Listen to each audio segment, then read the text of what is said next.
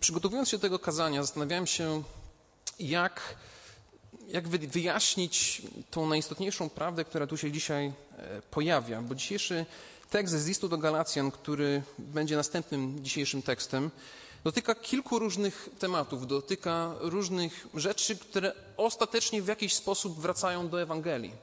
Wracają do tego, co jest najistotniejsze i wracają tak naprawdę zgodnie z tym, co zresztą apostoł Paweł próbuje w swoim liście do Galacjan ukazać, wracają do wiersza 16 rozdziału drugiego, gdzie apostoł Paweł pisze, wiedząc wszakże, że człowiek zostaje usprawiedliwiony nie z uczynków zakonu, ale tylko przez wiarę w Chrystusa Jezusa. I myśmy w Chrystusa Jezusa uwierzyli, abyśmy stali usprawiedliwieni z wiary w Chrystusa, a nie z uczynków zakonu, ponieważ z uczynków zakonu nie będzie usprawiedliwiony żaden człowiek. To jest myśl główny przekaz apostoła Pawła w liście do Galacjan. Jakby można powiedzieć, że apostoł Paweł ma pewien klucz. Klucz, który otwiera każde drzwi, każdy zamek i on wie, że ten klucz do tego służy. On wie, że to jest jedyna możliwość, żeby cokolwiek otworzyć, cokolwiek zrobić. Ale równocześnie zdaje sobie sprawę z tego, że nawet mała zmiana, mała ingerencja w kształt tego klucza sprawi, że te drzwi się nie będą otwierały. Że ten klucz, który ma taką, jest takim dobrym narzędziem, po prostu przestanie spełniać swoją funkcję. Kilka tygodni temu e, otwierałem drzwi do swojego biura tym samym kluczem, którym otwierałem przez kilka tygodni, i nagle się okazuje, że nie mogę go włożyć. I tak próbuję ponownie, i nagle się lekko zatyka i mam wrażenie, zaraz utknie i że zaraz nie będę miał klucza i nie będę miał w ogóle dostępu do swojego biura. W jakiś sposób udało się go wyciągnąć i dosłownie, dosłownie sama końcóweczka była lekko przekrzywiona. Bardzo nikła różnica w porównaniu z tym, co było na początku, a i tak tych drzwi nie udało się otworzyć, a wręcz prawie je sobie zablokowałem. I apostoł Paweł jest w bardzo podobnej sytuacji. Dzisiaj czytaliśmy w dziejach apostolskich historię, która jest jakby wiąże się z tym naszym dzisiejszym fragmentem, gdzie w zborach, gdzie apostoł Paweł służy, pojawiają się ludzie, którzy się powołują na apostolski autorytet apostoła Piotra, apostoła Jakuba, apostoła Jana i mówią: To, co mówi apostoł Paweł, nie jest do końca prawdą. Nie jest do końca prawdziwe. My wiemy, ponieważ to, co my mówimy, jest związane z apostołami. Więc my chcemy Wam powiedzieć, jaka jest ta prawda dla Was, poganie, którzy nie pochodzicie od nas, którzy tak naprawdę nic nie wiecie. Macie jedną rzecz, którą chcemy, żebyście wykonali, i tym czymś jest obrzezanie. I myślę, że tutaj ten temat dla nas może wydawać się obcy, bo w jakiś sposób nas dzisiaj w XXI wieku interesuje obrzezanie, szczególnie ludzi żyjących w Polsce. A tutaj skieruję słowa do braci, że bracia, gdyby ta sytuacja się nie rozwiązała, gdyby tu apostoł Paweł nie poszedł do Jerozolimy i te temat, tych tematów nie poruszył, no to mielibyśmy trudne zadanie przed nami. Ale dzięki Bogu uprzedzę, że sytuacja została rozwiązana i nie musimy pewnych rzeczy wykonywać. Jesteśmy poganami, nie pochodzimy od Żydów, nie mamy rodziców Żydów, więc nie mamy tego, co tutaj się wiąże z całą religijną, ceremonią, religijną ceremonią narodu izraelskiego. A jednak, kiedy mówimy o Kościele, to Kościół wiąże jedno i drugie. W Kościele widzimy zarówno nawróconych Żydów, jak i tych, którzy pochodzą od pogan. I apostoł Paweł w dzisiejszych wierszach tłumaczy i broni, dlaczego on pojechał do Jerozolimy. Wyjaśnia, jaki jest sens tego, że on tam w ogóle musiał pojechać mimo że on doskonale wie, że jego Ewangelia jest prawdziwą Ewangelią, to, co on głosi od ponad prawie 20 lat, jest doskonałym Bożym przesłaniem. Bóg używa jego przesłania przez ostatnie lata, żeby zakładać kościoły, żeby ludzie się nawracali. A jednak jest moment, kiedy on musi pojechać i powiedzieć: Apostołowie, przedstawiam wam to, co ja głoszę. Jeżeli jest tu coś, z czym wy się nie zgadzacie, to proszę mi to powiedzcie. On nie musi tego robić, ale robi to ze względu na Ewangelię. Robi to ze względu na ludzi, którym usługiwał. I teraz chciałbym, żebyśmy właśnie na tym się skupili. Zachęcam Was, list do Galacjan, drugi rozdział, wierszy od pierwszego do dziesiątego. Czytamy potem po czternastu latach udałem się z Barnabą znowu do Jerozolimy, zabrawszy z sobą i Tytusa. A udałem się tam na skutek objawienia i wyłożyłem im to na osobności, zwłaszcza znaczniejszym Ewangelię, którą zwiastuję między poganami, żeby czasem się nie okazało, że daremnie biegnę czy biegłem. Ale nawet Tytusa, który był ze mną, chociaż był Grekiem, nie zmuszono do obrzezania. Nie bacząc na fałszywych braci, którzy pokrojomu zostali wprowadzeni i potajemnie weszli, aby wyszpiegować naszą wolność, którą mamy w Chrystusie, żeby nas podbić w niewolę, a którym ani na chwilę nie ustąpiliśmy, ani się nie poddaliśmy, aby prawda Ewangelii u was się utrzymała. A co się tyczy tych, którzy się cieszyli szczególnym poważaniem, czym oni niegdyś byli, nic mnie to nie obchodzi. Bóg nie ma względu na osobę. Otóż ci, którzy cieszyli się szczególnym poważaniem, niczego mi nie narzucili. Raczej przeciwnie. Gdy zobaczyli, że została mi powierzona Ewangelia między nieobrzezanymi, jak Piotrowi między obrzezanymi, bo ten, który skutecznie działał przez Piotra w apostolstwie między obrzezanymi, skutecznie działał i przeze mnie między poganami. Otóż, gdy poznali okazaną mi łaskę, Jakub i Kefas i Jan, którzy są uważani za filary, podali mnie i Barnabie prawicę na dowód wspólnoty, abyśmy poszli do pogan, a oni do obrzezanych. Mieliśmy tylko pamiętać o ubogich, czym się też gorliwie zająłem i co starałem się wykonać. Apostoł Paweł zaczyna od wyjaśnienia i nadania pewnego kontekstu historycznego. I oczywiście badacze próbują gdzieś tam się dowiedzieć, jaka jest dokładna linia historyczna, ale na pewno jest to mniej więcej od 14 do 20 lat, gdzie apostoł Paweł tak naprawdę służy sam, gdzie on tak naprawdę nie ma kontaktu z tym pierwotnym zborem w Jerozolimie. Czytaliśmy w poprzednim kazaniu, w fragmencie, który omawiał nawrócenie Pawła, że był moment, gdzie on się spotkał z Piotrem na chwilę. I niektórzy, którzy są w Galacji, mówią, że widzisz, Pawle, to właśnie przez to jedno spotkanie Twoja Ewangelia pochodzi od ludzi, ale ta Ewangelia, która pochodzi od Piotra i tych innych apostołów, to jest ta Ewangelia Boża. Więc apostoł Paweł służy przez wiele lat, ma potężną służbę. Czytamy w różnych listach o tym, co się działo, gdzie był, czym się zajmował. Dzieje apostolskie też doskonale opisują historię podróży misyjnych Pawła. I on przez długi czas służy Bogu i w pewnym momencie przerywa swoją służbę po to, żeby pójść do Jerozolimy i coś przedstawić. On mówi: Ponownie się udałem do Jerozolimy, zabrawszy z sobą i Tytusa. I to jest bardzo ciekawe, co tutaj się dzieje, ponieważ e, widzimy apostoła Pawła, który intencjonalnie wykonuje dwie rzeczy. Jedną z tych rzeczy jest taki pewien przykład mentorstwa, uczniostwa, gdzie bierze z sobą Barnabę, swojego współpracownika, ale bierze również z sobą Tytusa. Tytus się nie pojawił w, w dziejach apostolskich, ale tu się pojawia z jednego powodu, ponieważ Tytus w przeciwieństwie do Pawła i Barnaby był Grekiem.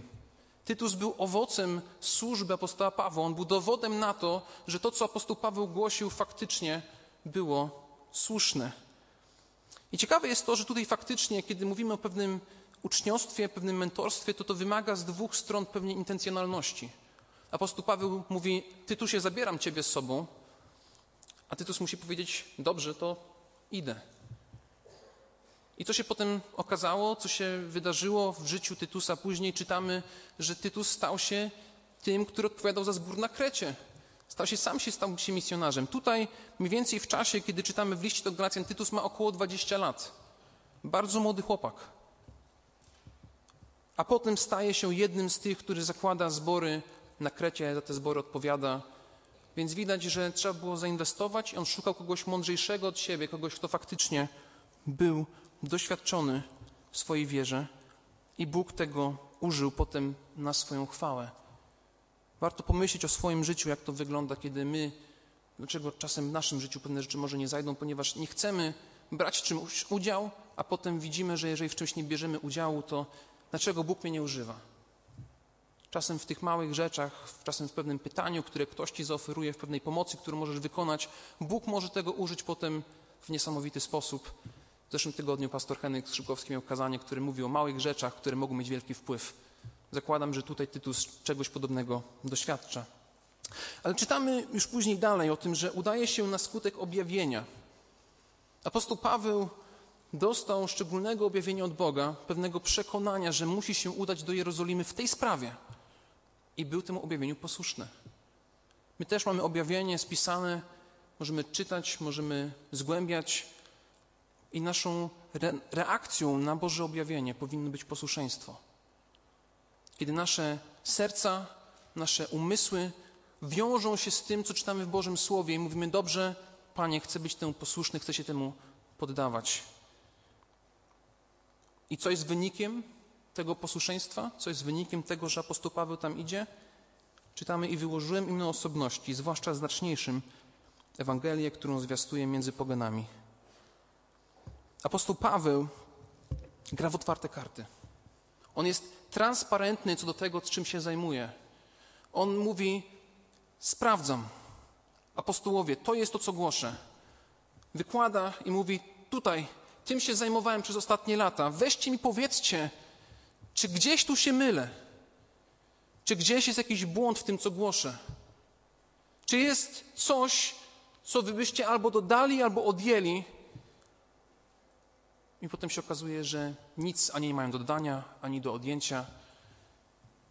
Raczej apostoł Paweł przychodzi do nich osobiście i wyjaśnia to między przywódcami. I myślę, że jest bardzo mądre to, co robi apostoł Paweł, bo unika to braku jakichś takich fanfarów. Że apostoł Paweł przychodzi jako ten wielki apostoł pogan, ten, którego Jezus sam powołał i powiedział: Teraz przyjmijcie mnie, apostołowie, bo ja mam wielką służbę. Spójrzcie na to, co Bóg czynił przeze mnie. Zboże w Jerozolimie, przyjmijcie mnie, ponieważ jestem wielki, jestem wspaniały. On nie, on idzie osobiście, idzie prywatnie, najpierw uzgadnia. Co więcej, to chroni zbór przed jakimś niezrozumieniem. Ludzie są w różnych etapach w swoim życiu wiary, gdzie są ludzie, którzy pewne rzeczy mniej pojmują, niektórzy trochę więcej pojmują, ale na pewno nigdy nie jest zbudowaniem, kiedy w publiczny sposób przywództwo w kościele się kłóci. To nie jest ani zachęta dla ludzi, może to wprowadzić jakiś niepokój, niezrozumienie i zakładam, że apostoł Paweł to wie, że on rozumie, że taka dyskusja w forum publicznym może być trudna dla tych ludzi, więc idzie im osobiście się z tym, tymi dzieli. I myślę, że to jest doskonała też zasada dla nas. Jeżeli mamy jakiś problem z kimś, czegoś nie rozumiemy, chcemy się czegoś dowiedzieć, to może warto pójść osobiście, się dopytać, dowiedzieć, co ktoś miał dokładnie na myśli. Jaki jest tego cel? Jakby co miałeś na myśli, jak chciałeś to powiedzieć? Czy to, co powiedziałeś, było tym, co chciałeś powiedzieć? Czy chcesz coś dodać? Myślę, że to jest doskonała zasada w ogóle w życiu, do której, którą warto praktykować. Apostoł Paweł stosuje to tutaj. I dlaczego on to w ten sposób robi? Zwróćcie uwagę na wiersz drugi. Wyłożyłem im na osobności, zwłaszcza znaczniejszym Ewangelię, którą zwiastuje między poganami, żeby się czasem okazało, że daremnie biegnę czy biegłem. Apostoł Paweł idzie tam z tego względu, że jeżeli się by okazało, że to, co głoszą apostołowie, zgadza się z tym, co głoszą ci fałszywi nauczyciele, którzy weszli do zborów Galacji, to okazuje się, że on będzie musiał walczyć na dwa fronty – będzie musiał iść najpierw do tych, którzy nie wierzą i im głosić tę Ewangelię, a po drugie będzie musiał jeszcze wysilić się nad to, żeby z tymi apostołami się jakby mierzyć w swojej służbie. Można sobie zaoszczędzić wiele czasu i sił i pieniędzy w tym, jeżeli się pójdzie, coś się osobiście wyjaśni. Apostoł Paweł też to czyni. Właśnie po to, żeby nie mieć potem trudów w swojej służbie, które będą z tego gdzieś tam wynikały. I wiersz trzeci ukazuje to, co się wydarzyło z Tytusem. Że Tytus, który był ze mną, chociaż był Grekiem, nie był zmuszony do obrzezania. Jaka to jest radosna wieść. Tytus nie był zmuszony do obrzezania. Apostołowie wysłuchali tego, co miał apostoł Paweł do powiedzenia i powiedzieli: Pawle, dobra robota. Ten Tytus to dobry świadek, dobre świadectwo Twojego działania. Dobrze, żeś mu powiedział. Więc zabranie Tytusa też miało konkretny cel. To nie było zabranie Tytusa tylko po to, żeby go z sobą zabrać, ale to był dowód na działanie apostoła Pawła. I teraz wiersz czwarty i piąty są niezwykle istotne. Nie bacząc na fałszywych braci, którzy pokryjomu stali wprowadzeni i potajemnie weszli, aby wyszpiegować naszą wolność, którą mamy w Chrystusie, żeby nas podbić w niewolę, a w którym ani na chwilę nie ustąpiliśmy, ani się nie poddaliśmy, by prawda Ewangelii się u was utrzymała. Sednem działania apostoła Pawła jest Ewangelia. Dla niego Ewangelia jest najważniejsza i on dla tej Ewangelii jest gotów pokonać wiele kilometrów, żeby się upewnić, żeby upewnić tych, którzy go słuchają, że to, co on głosi, faktycznie jest przesłaniem apostolskim. On to wie. Apostoł Paweł nie musi być co do tego przekonywany. Cały wcześniejszy fragment w liście do Galacjan to jest jego obrona, jego wytłumaczenie, dlaczego jego Ewangelia jest Bożą Ewangelią. Bo on się nawrócił, Jezus mu się objawił, on się mu okazał, on mu to wytłumaczył. Ale dla tych ludzi, dla tych, których on służy, on jest gotów się poświęcić. On jest gotów poświęcić swój czas, prawdopodobnie swoje pieniądze i pójść i to zweryfikować. On jest gotów to dla nich uczynić. I są tutaj fałszywi bracia, którzy po kryjomu zostali wprowadzeni. Apostoł Paweł celowo używa tych słów, żeby ukazać niecne cele tych ludzi, że oni są wrogo usposobieni. I to jest ciekawe, że też używany jest aspekt szpiega. Szpieg nie jest kimś, kto się ujawnia, byłby inaczej beznadziejnym szpiegiem. Jeżeli ktoś przychodzi szpiegować do jakiegoś innego narodu, próbuje to robić po kryjomu, zbiera jakieś dane, informacje, często szuka jakichś danych, które mogą być wrażliwe. Co jakiś czas możemy czytać w wiadomościach, że w jakimś kraju zostali wydaleni tacy i tacy dyplomaci albo tacy i tacy ludzie ze względu na prowadzenie działalności szpiegowskiej. I z tego i z tego względu tutaj jakieś wojskowe może zdjęcia zostały znalezione, tutaj może jakieś przemysłowe. Kiedy ktoś jest nazwany szpiegiem, to nie jest to coś pozytywnego. Nazywanie tych fałszywych nauczycieli, że oni wchodzą potajemnie, nie wchodzą głównymi drzwiami, wchodzą jakimiś bocznymi, żeby nikt ich nie zauważył, to apostoł Paweł też ukazuje, w jakiś sposób takie fałszywe nauczanie trafia do kościoła. On nie wchodzi głównymi drzwiami, się nie objawia wszystkim tak po prostu. Raczej jest to dłuższy proces, jest to pewne ukryte działanie, które po kryjomu próbuje doprowadzić ludzi do swojego własnego celu. Może być to cel polityczny, może to być cel jakiś religijny, ideologiczny, ale jest ten cel konkretny, który próbuje zwieść ludzi od prawdy.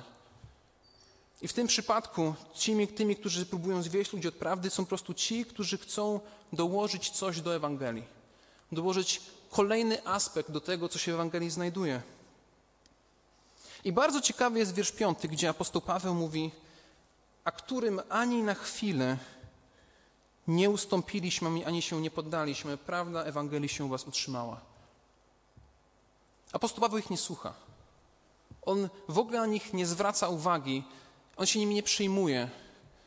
Uważa, że ani na chwilę nie warto być im posłusznym. Jeżeli ktoś wykrzywia Ewangelię, jeżeli ktoś ją odwraca, jeżeli ktoś coś do niej dodaje, bądź też coś od niej odejmuje, to nie jest ktoś warty Twojej uwagi. To nie jest ktoś, kogo warto słuchać. Nie jest to ktoś, z kim warto współpracować. Nie jest to ktoś, kto jest warty i godny Twojej uwagi. Dlaczego? Bo ludzie, którzy wprowadzają takie rzeczy, wprowadzają wstyd, może hańbę, mówią, że nie jesteś człowiekiem wierzącym, bo robisz za mało tego. Robisz za mało tego, tego ci brakuje, więc jeszcze nie jesteś wierzącym. Wprowadzają hańbę, wprowadzają wstyd, wprowadzają oskarżenie, i człowiek wierzący, który ufa Chrystusowi, prawdziwie zaufał Chrystusowi, ma pewne wątpliwości wtedy. Czy ja na pewno jestem wierzący? No przyszli tacy ważni ludzie, powołują się na apostołów, oni mają wiedzę i oni mówią, że jestem wierzącym? Może faktycznie jestem wierzącym. Może faktycznie nie zaufałem Chrystusowi, a może coś do tego Chrystusa powinienem dodać. Moi drodzy, chciałbym, żebyście otworzyli list do Rzymian, ósmy rozdział, wiersz pierwszy. Mam nadzieję, że to będzie fragment, który Jeżeli kiedykolwiek są jakieś dyskusje pod kątem Twojej wiary, pod kątem tego, czy zaufałeś Chrystusowi lub bądź Ci czegoś brakuje w Chrystusie, otwórzcie ósmy rozdział listu do Rzymian, wiersz pierwszy. Jest napisane, przeto teraz nie ma żadnego potępienia dla tych, którzy są w Chrystusie Jezusie. Nie ma żadnego potępienia dla tych, którzy są w Chrystusie Jezusie. Jeśli ktoś jest w Chrystusie, ten jest w Chrystusie. Amen? Amen. Jeżeli ktoś przychodzi i mówi, nie jesteś w Chrystusie, bo nie robisz tego, nie robisz tego, nie robisz tego. I nie mówimy tutaj o kwestiach moralnych. Mówimy tutaj o kwestiach drugorzędnych, drugoplanowych, które nie mają być wynikiem nowego serca, nowego ducha. O tym apostoł Paweł poświęca kolejną część listu do Galacjan, kiedy mówi o tym, co to znaczy żyć w duchu. To znaczy żyć nowym życiem. Natomiast kiedy ktoś przychodzi i mówi, że jeżeli zaufałeś Chrystusowi, to jeszcze musisz coś do tego dodać, to nie jest ktoś warty uwagi, ponieważ wszystkie oskarżenia, jakie zostały w Twoją stronę skierowane, zostały przybite do krzyża. Chrystus wszystkie oskarżenia przyjął na siebie po to, żebyśmy mogli żyć w wolności, moi drodzy. Zarówno ci, którzy wchodzą, próbują manipulować, oni nic do Chrystusa nie mają. Spójrz na Chrystusa. Kiedy masz wątpliwości do swojej wiary, spójrz na Chrystusa, spójrz na to, co On dla Ciebie uczynił. I teraz zwróć uwagę na wiersz szósty. I myślę, że dzisiaj na tym punkcie skończymy, bo do tego tematu widzę wrócimy. Zwróć uwagę na wiersz szósty, który jest, wydaje się, takim dosyć trudnym i takim osobistym problemem dla nas dzisiaj. Ale chciałbym, żebyście dobrze zrozumieli ten argument. Więc z jednej strony apostoł Paweł mówi, że nie słuchać tych ludzi, którzy takie rzeczy wprowadzają. I teraz zwróćmy uwagę, dlaczego nie należy ich słuchać. A co się tyczy tych, którzy cieszyli się szczególnym poważaniem, czym oni niegdyś byli, nic mnie o to nie obchodzi. Bóg nie ma względu na osobę. Otóż ci, którzy cieszyli się szczególnym poważaniem, niczego mi nie narzucili. On mówi znowu, nic mnie nie, nie, nie obchodzi. Ja się nie przyjmuję. Jakby to, co wy mi mówicie, to jest totalna głupota dla mnie. Wiecie, do, do, do, do Tytusa apostoł Paweł nawet mówi, żeby zamykać usta takim, którzy takie oskarżenia stawiają. Mówi, że jest pewien chrześcijański moment, kiedy można powiedzieć komuś po prostu się zamknij. No. Jest taka możliwość. Ale tutaj on jeszcze rozszerza ten aspekt o te tytuły, o to apostolstwo, o to dostojeństwo. I on mówi tak: Bóg nie ma względu na osobę. To jest fragment z Księgi Powtórzonego Prawa, gdzie Bóg wskazuje, że nikt nie jest w stanie się do Boga sam zbliżyć. Nikt nie jest w stanie swoim postępowaniem, swoim statusem, czegokolwiek zdobyć u Boga. I tu jest, wydaje się, pewien problem, z którym my współcześnie mamy też duże niebezpieczeństwo, z którym możemy się mierzyć. Żyjemy w czasach, gdzie dla nas się łatwo, łatwo nam zaimponować jako ludziom. Łatwo nam zaimponować, mamy dużo influencerów, szczególnie dużo młodych ludzi, tak ogląda na YouTubie, ma swojego ulubionego YouTubera, teraz też TikTokera. Ktoś ma nagle setki tysięcy, setki milionów lajków, ma wielu subskrybentów, wielu followersów i nagle staje się wielkim autorytetem. Nagle staje się kimś, kto, kogo warto naśladować, za kim warto pójść, kto nam zaimponował w jakiś sposób. I czasami faktycznie jest tak, że ktoś ma tą wiedzę, ma to coś, że warto go słuchać, ale w wielu przypadkach nie jest to, nie jest to tego warte. Ale równocześnie możemy się z tym spotkać w chrześcijaństwie kiedy w naszych kościołach traktujemy pewnych przywódców jako celebrytów, jako świętą krowę, która, której nie można w ogóle skrytykować, nic złego nie można zrobić. To jest takie celebryctwo, influencerstwo albo idolizowanie niektórych pastorów. Jak łatwo sprawdzić, czy pastor nie stał się dla ciebie jakimś idolem, jakimś przywódcą, którego nie warto krytykować, z kogoś, z kim nie warto się mierzyć, bo po prostu on jest taki wspaniały, on zna języki. No on ma doktorat z teologii. No on, on wie, no jak on coś powie, on ma taką charyzmę w trakcie mówienia, że jak on mówi, to tysiące go słuchają. Jak on mówi, to naprawdę na jego służbie to wiele ludzi się nawraca. Wielu ludzi idzie za nim. Spójrzcie tylko na jego kościoły. Zróbmy tak, jak jest u nich. Spójrzmy tak, jak tam jest. To jest jeden aspekt. A z drugiej strony jest drugi aspekt, może bardziej osobisty, bardziej personalny. Taki, że co się wydarzy, jeżeli jakiś pastor odejdzie z Twojego zboru? Jeżeli odejdzie pastor, czy Ty odejdziesz też ze zboru, bo nie ma już Twojego pastora? Bo już nagle nie ma tego, który tam faktycznie jest Twoim ulubieńcem? Czy raczej zostajesz tam dalej, bo pojawia się inny, który również głosi Ewangelię? Również wykonuje to, co robił ten wcześniej? Czy nagle kwestia personaliów, pewnych osobistych przywiązań się tutaj pojawia? Odejście ze zboru, trafienie do innego to jest jakby jedno zło, a drugie zło gorsze od tego jest to, że nagle ktoś traci wiarę i mówi, że ja już nie jestem wierzącym, bo ten człowiek już nie jest pastorem. Jest wiele przypadków ludzi, którzy w pewnym momencie odchodzą od wiary, ponieważ nagle ich ulubiony pastor z jakiegoś powodu zgrzeszył. Są ogromne tragedie.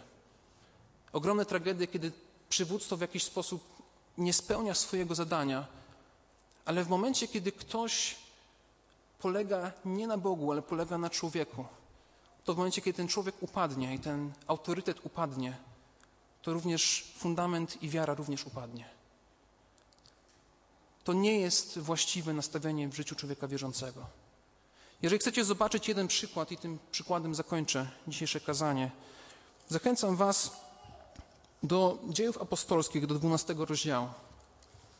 Zobaczymy, jak wygląda aspekt ślepego pójścia za kimś, z jakimś przywódcą, który głosi. Dwunasty rozdział, wiersze od 20 do 23. A miał zatarg z Tyryjczykami, Sydończykami, którzy wspólnie przybyli do niego i zjednawszy sobie blasta, pod Morzego Królewskiego, prosili o pokój, ponieważ kraj ich pobierał żywność ziem królewskich. W oznaczonym dniu Herod, odziany w szatę królewską, zasiadł na tronie i obecności ludu wygłaszał do nich mowę. Lud zaś wołał, Boży to głos nieludzki. W tej chwili poraził go anioł pański za to, że nie oddał chwały Bogu, a potem stoczony przez robactwo wyziął ducha. Ludzie się zachwycili Herodem. Zachwycili się jego stylem przemawiania. Zachwycili się tym, jakim on jest wspaniałym mówcą, nazywając to, co mówi, Bożym głosem, nieludzkie. I w momencie, kiedy to się wydarzyło, nastąpiła ogromna tragedia i po prostu ludzie zginęli. I wydaje się, że kiedy my ślepo idziemy za człowiekiem, to jest bardzo podobnie. Nie giniemy fizycznie, giniemy duchowo. Wszelka nasza nadzieja nie powinna polegać na pastorze, na jakimś liderze, na jakimś przywódcy. Nasza nadzieja polega na Chrystusie i Jego skończonym dziele na krzyżu. To jest nasza nadzieja. Kiedy wierzymy w Chrystusa, jesteśmy usprawiedliwieni z wiary ze względu na to, co On uczynił, nie ze względu na to, co uczynił pastor. I apostoł Paweł gani takie spojrzenie, mówi: Ci apostołowie, Piotr, Jan, przecież oni się nic nie znaczą w oczach Bożych. Czy to znaczy, że on nie szanował apostołów? Czy że on w jakiś sposób podważa ich autorytet? Nie. On specjalnie do nich nawet się udał, żeby z nimi porozmawiać, żeby im wyjaśnić tę Ewangelię. Ale równocześnie próbuje podważyć argumenty tych, którzy się powołują na kogoś wielkiego. I to czasami tak bywa. Jak się z kimś rozmawia, to ktoś zada pytanie, a dlaczego co uważasz na temat tego, jego służby, a jego służby? I tutaj jak to wygląda? Jak się coś złego powie, albo się powie nie wiem, a dlaczego nie wie pastor? Dlaczego pastor się nie zna na, na tym bracie? Nie znam się, no, nie czytałem, nie słuchałem jego kazań. A, dlaczego? I nagle można kogoś urazić w sposób, który tak naprawdę nie wiadomo z czego wynika. A wynika wyłącznie z tego, że przywiązujemy wielką wagę do jednej konkretnej osoby. Może nie być jedna osoba, może być to wiele osób. Może tak być. Ale na tym następnym kazaniu dokończymy ten, ten fragment o wiele dogłębniej, zobaczymy, że apostoł Paweł ostatecznie mówi tak. Zwróćcie uwagę na, na to, co się pojawia w wierszu ósmym. Bo ten, który skutecznie działał przez Piotra w apostolstwie między obrzezanymi, skutecznie działał i przeze mnie między poganami. On mówi, wiecie co? Ewangelia działa. Ewangelia jest skuteczna, ponieważ przez Ewangelię Bóg działa. Przez Ewangelię Bóg dotyka serc. Ja tej Ewangelii głosiłem i ja tą Ewangelię będę dalej głosić, będę się dalej nią dzielił, ponieważ teraz już wiem. I teraz wy również wiecie, że to, co głoszę, nie jest moim wymysłem. Nie jest czymś, co pochodzi od tych apostołów, ale jest czymś, co wyłącznie pochodzi od Boga. I Bóg tego używa. Bóg używa swojej Ewangelii do przemiany ludzkich serc. Warto o tym pamiętać.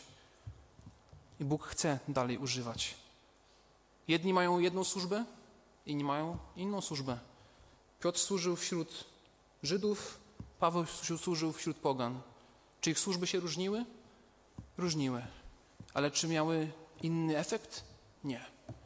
Bóg i tak działał przez Ewangelię. I nie ma znaczenia, co to jest za człowiek, który stoi i głosi. Jeżeli głosi Ewangelię, jeżeli wykłada słusznie Boże Słowo, to to powinno być dla nas najistotniejsze. Więc moi drodzy, myślę, że to, na co chciałbym, żebyśmy dzisiaj zwrócili uwagę, jest to, jak ważna jest Ewangelia. Jak naprawdę warto o pewne rzeczy dopytać. Jeżeli coś nie jest do końca jasne, warto pójść osobiście i się dowiedzieć, co dokładnie ktoś miał na myśli. Szczególnie w kontekście Ewangelii. Mam nadzieję, że w następnym kazaniu, kiedy będziemy jeszcze bardziej ten aspekt wspólnoty, jaka wynika z Ewangelii, badali, żeby dopytać się, żeby mieć pewność, że jeżeli chcemy coś wspólnie zrobić, to wierzymy w tego samego Chrystusa. Ufamy w tą samą Ewangelię. Jeżeli masz problem z kimś, masz jakieś pytania, idź, porozmawiaj osobiście. Nie ma niczego lepszego. Można szybko rzeczy wyjaśnić, można sobie czasu zaoszczędzić, stresu zaoszczędzić i potem mieć pokój z tym, do kogo idziemy. Wiedzmy też również, że do Ewangelii nic nie musimy dorzucać. Jeżeli wierzysz w Chrystusa, że On zapłacił za Twoje grzechy, że Twoje grzechy zostały przebaczone na krzyżu i On zmartwychwstał dnia trzeciego i w to wierzysz, że w ten sposób jesteś zbawiony, to jesteś w Chrystusie i nie ma dla Ciebie żadnego potępienia. Nie ma Ciebie żadnego oskarżenia. Nie ma jak podważać tego, kim jesteś w Chrystusie, ponieważ te wszelkie oskarżenia zostały już przybite do krzyża. A trzeci punkt to jest taki, żeśmy pozbadali swoje serca. Zobaczmy, czy w jakiś sposób niezdrowo podchodzimy do jakiegoś nauczyciela, w jakiś sposób niezdrowo podchodzimy do jakiegoś pastora, czy w jakiś sposób nasze serca przywiązują się w jakiś nieuczciwy, niewłaściwy sposób. Czy to znaczy, że tymi, którzy, którzy głoszą, nie należy im okazywać szacunku? Nie. To wcale tego nie oznacza. Boże Słowo wręcz mówi, że okazujcie szacunek starszym, a szczególnie tym, którzy nauczają. Więc to w ogóle nie ma nic wspólnego z szacunkiem i z, po prostu z posłuszeństwem, ale w kwestii pewnego idolizowania sobie kogoś, robienia z kogoś celebryty i potem ślepe podążanie za tym celebrytą z różnych względów i te względy mogą być różne. Moi drodzy, badajmy nasze serca pod tym kątem.